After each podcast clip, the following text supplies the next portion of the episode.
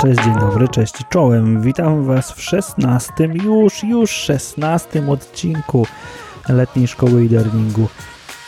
Nie zajmuję Wam więcej czasu, bo historia jest naprawdę niesamowita, a opowie ją Jacek Wolniewicz. Jacku, zapraszam.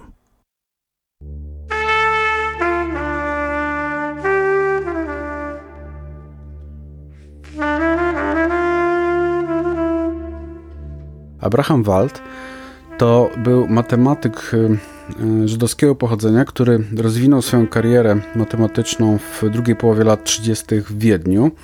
No, jak sam się domyślacie, to były czasy Hitlera, a zatem osoba o, takim, o takich korzeniach nie miała raczej mm, szans powodzenia wtedy funkcjonowania. Na szczęście udało się Waldowi opuścić Austrię, w ogóle opuścić Europę, znalazł się w Stanach dzięki swojemu mm, mentorowi i został zaproszony, zatrudniony w takim tajnym instytucie matematycznym, który grupował bardzo wybitnych naukowców i matematyków, których zadaniem była tak naprawdę praca dla wojska. A to było opracowywanie modeli matematycznych, które miały potem pomóc w projektowaniu czy przeprojektowywaniu uzbrojenia.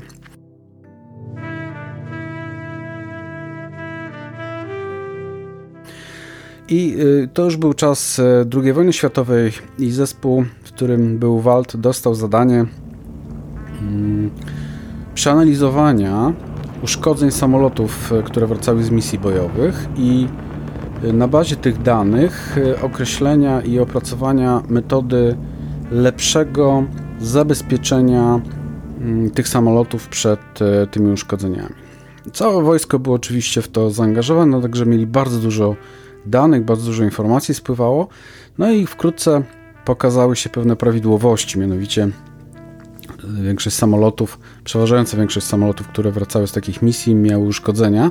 Po kulach to były uszkodzenia, które były związane z płatami, yy, czyli ze skrzydłami i z tylną częścią tam zakokpitową yy, za pilotem.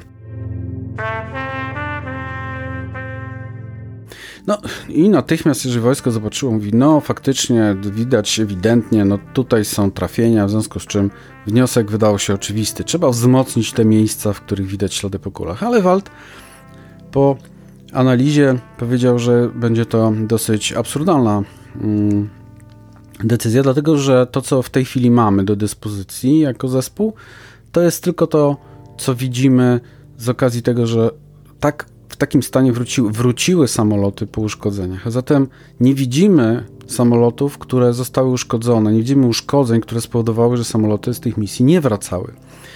Ja powiem, y, żebyście mieli wyobrażenie, w tamtych czasach mm, dane były dosyć y, przed, y, zatrważające, dlatego że szanse przeżycia pilota wojskowego to było dokładnie 50%, to był rzut monetą, kiedy wylatywał na misję.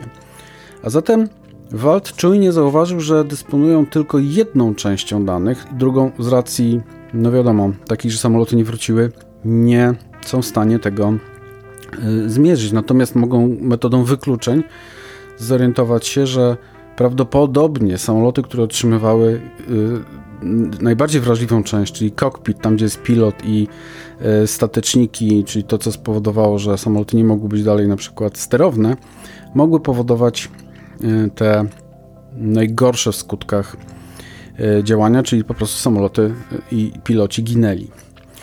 I gdyby Walt nie poszedł taką myśl, drogą właśnie myślenia krytycznego, które kazało mu nie patrzeć na wyniki, które się wręcz nasuwają, czy dane, które widać, wręcz pakują się przed oczy, a popatrzeć na to, czego nie widać, to myślę, że wojsko uzbroiłoby samoloty, opancerzyło nie w tych miejscach, w których trzeba i ta śmiertelność e, i mm, no, nie, nie, nic by to nie dało. Prawda była taka, że zrobili dokładnie odwrotnie, czyli wzmocnili te miejsca, które według tych danych, które mieli, nie były uszkadzane. Słusznie wychodzą z założenia, że to właśnie te miejsca powodują największe straty. I faktycznie zespół Walda uratował bardzo, bardzo dużo e, pilotów.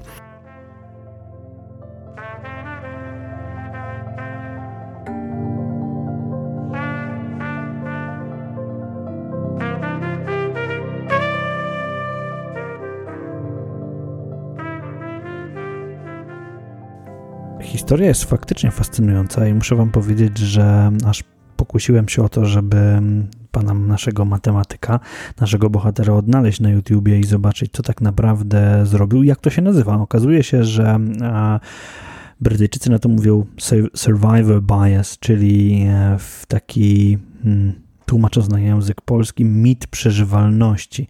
E, oczywiście możecie sobie odnaleźć to na, e, na Wikipedii. E, survivor bias jest to po prostu błąd, e, błąd logiczny, polegający na tym, że e, no właśnie, opieramy się na pewnych danych bez brania pod uwagę ich ukrytych przyczyn. No, w, w uczeniu się to na pewno będzie się zdarzało i myślę, że to jest, e, to jest najważniejsza, najważniejsza rzecz, którą powinniście zapamiętać z całego tego e, odcinka i z tego, że mm, no, czasami te dane, które, które otrzymujemy, są po prostu niereprezentatywne, że dane w ogóle. Mm, dane, o których mówimy, to w ogóle jest coś, co niekoniecznie nam, niekoniecznie nam może pomóc. I teraz e, chcę ten dzisiejszy odcinek podzielić na dwie części. E, w jednej części opowiem tak bardzo zgrubnie o danych. E, opowiem Wam bardzo zgrubnie o tym, jakie ja zastosowałem jakiś czas temu podejście do danych, no bo ten odcinek ma być właśnie o danych, metrykach i dowodach. Więc e, pierwsza, pierwsza rzecz, o której chciałbym powiedzieć, to takie trzy podstawowe poziomy, które ja sobie na, na, na potrzeby swojej pracy uknąłem i które stosuję, jeżeli chodzi o dane związane ze szkoleniami. Ze szkoleniami w ogóle, więc ze szkoleniami online'owymi również.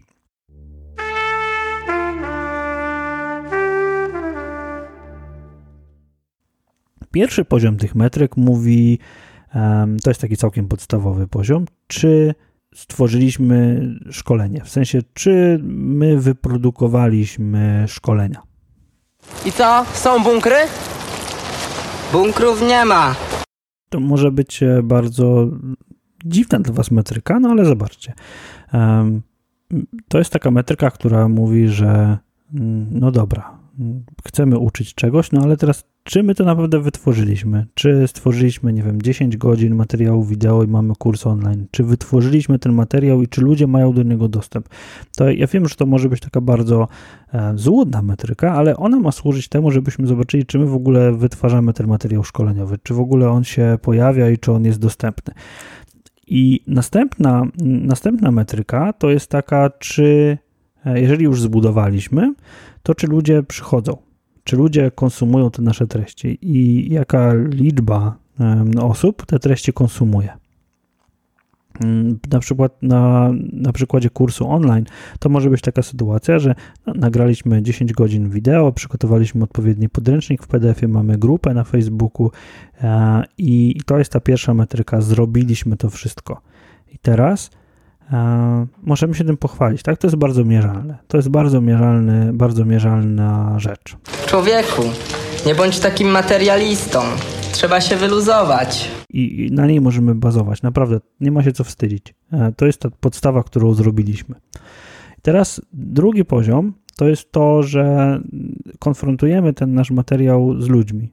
I na tym poziomie ludzkim e, możemy powiedzieć o tym, jaką mamy liczbę użytkowników zapisanych, ile osób jest zapisanych na nasz kurs, e, ile osób dostaje, ma dostęp do naszego kursu, tak? Czyli to możemy sobie powiedzieć, ok, e, taki trochę lejek możemy sobie zrobić, czyli zaprosiliśmy do danego kursu, już nie chcę tu mówić o lejkach sprzedażowych, ale zaprosiliśmy, założyliśmy konta kilkuset osobom okazuje się, że nie wiem, 10% nie ma dostępu, bo ma jakiś problem techniczny, tak? 90% tylko ma dostęp, no więc daje nam to jasny feedback, że musimy pewne rzeczy techniczne rozwiązać.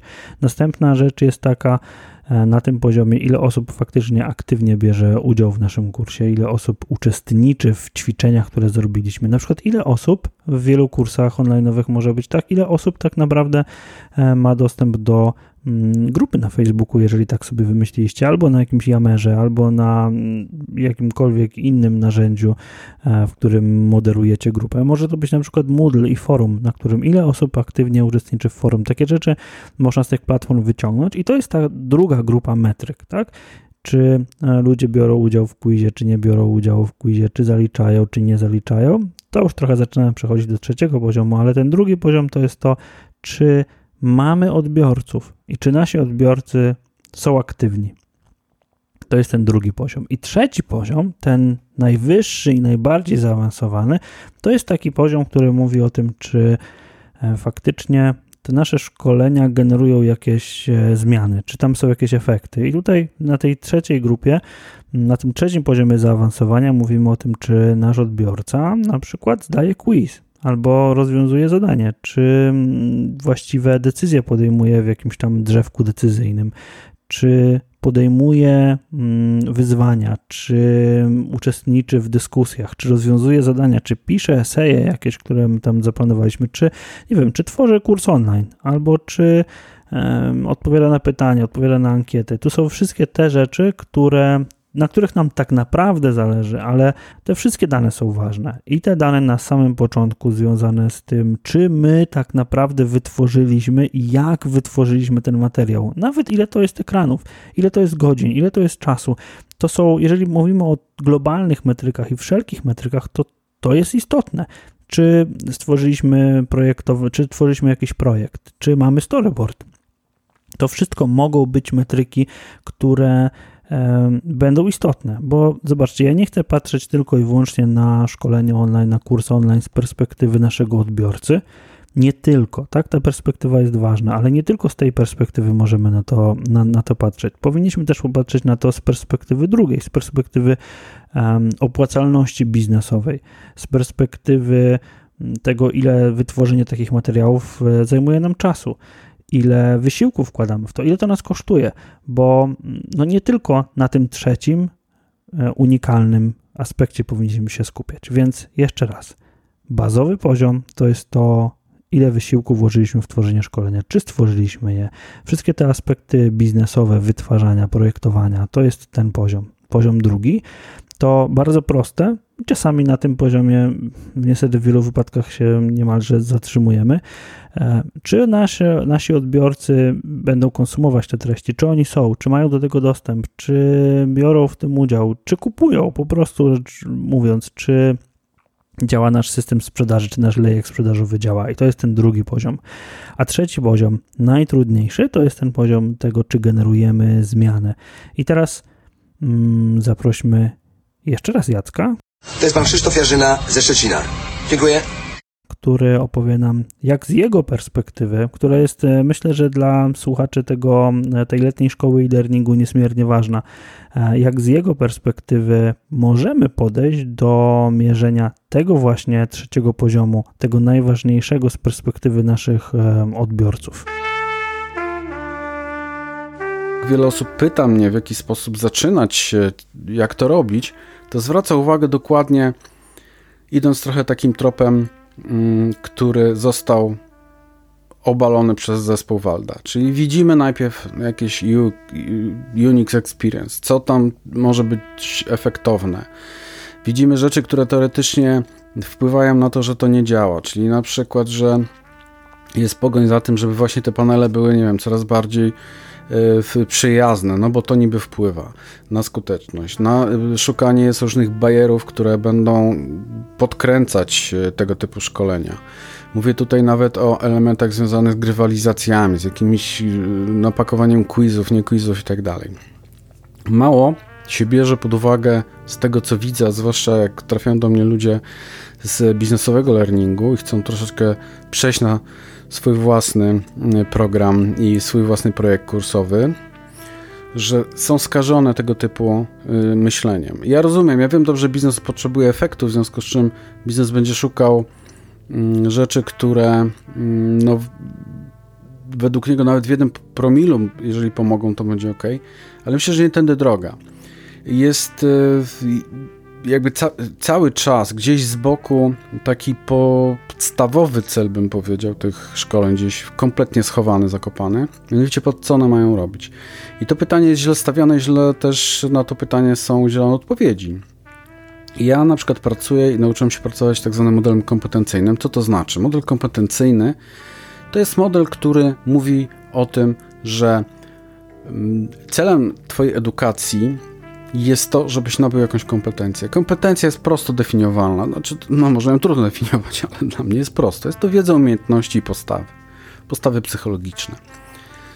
Umiejętności, wiedza wiadomo, co masz wiedzieć, co masz umieć i jak masz to przejawiać, jaki masz mieć stosunek do tego. Czyli żebyś chciał do tej wiedzy, tej wiedzy korzystać, żebyś był przekonany, że da ci to coś, że warto z tych umiejętności korzystać. Mówimy o prywatnych, nazwijmy to tych masowych, jak to czasami się mówi, kursach, to gdzieś tak czy inaczej operujemy na poziomie problem-rozwiązanie.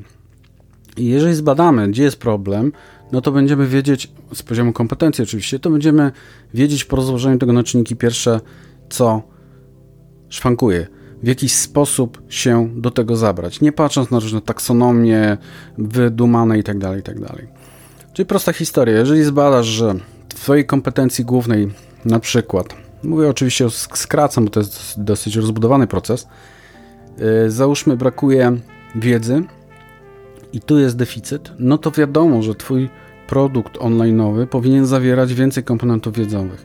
Za tym idzie odpowiedź, w jaki sposób ja dostarczę tą wiedzę. No i tutaj mamy różne możliwości, i tutaj na to wszystko trzeba narzucić jeszcze znajomość, w przypadku wiedzy zwłaszcza, umie, wiedzę o tym, w jaki sposób ludzie się uczą, w jaki sposób uczą się pamięciowo, żeby nie przeładować pamięci roboczej, żeby móc jak najlepiej, efektywniej pomóc tej wiedzy dotrzeć do pamięci długotrwałej czy operacyjnej. I to samo z umiejętnościami. Jeżeli masz zdiagnozowane, jaka umiejętność szwankuje, to zastanawiasz się, w jaki sposób możesz tego nauczyć. I teraz znajomość o, znowu o sposobach uczenia się, o tym, że ludzie dorośli trochę inaczej się uczą, że więcej czerpią z doświadczeń, będzie prowokowało, powodowało to, że będziesz w stanie, tak jak ja to robię moi studenci, dobrać adekwatne metody. I to nie jest strzelanie na zasadzie, a to jest fajne, efektowne, to to włożę. Nie. Bo jeżeli to jest nawet fajne, efektowne, to nie musisz tego wkładać, albo wręcz nie możesz tego włożyć, bo się okaże, że to nie realizuje Twojego celu na przykład, który został zdefiniowany jako cel szczegółowy z poziomu umiejętności. Tak widzę projektowanie. Bardzo często nie widać po prostu. E, widzę, że teraz e, jest taki trend, że wielu projektantów może i może klienci to wymuszają, nie wiem, mówię teraz o korporacjach, o firmach. Ale jest taki trend, zróbmy coś, żeby było wow, efekt wow, atrakcyjnie, dajmy trochę mm, interaktywności, która bardzo często wcale nie jest potrzebna i bardzo często zaburza wręcz e, przekazywanie elementu wiedzowego, ale zróbmy to, no bo to jest fajne. Ja wiem, że biznes będzie też wymagał, żeby coś za co zapłaci było, no, no ja to mówię, ważyło. Ważyło swoje. No bo to nie może być tak proste, prawda? To nie może być aż tak łatwe. I ja rozumiem, że projektanci, którzy siedzą w tych procesach e, e-learningowych, firmowych, no, muszą trochę nadmuchać ten ryż. Taka jest dla mnie wizja, tak pracowałem do tej pory i tak wiem, że tak się dzieje. Ale nie wolno patrzeć tak, jak odruchowo patrzył zespół, który dostał dane o tych uszkodzonych samolotach. Trzeba popatrzeć, gdzie tak naprawdę y, nie co się dzieje tam, gdzie tego nie widać i to zacząć badać, bo tam moim zdaniem jest e, ten czynnik który spowoduje, że ten projekt będzie miał szansę w ogóle dopasowania na miarę.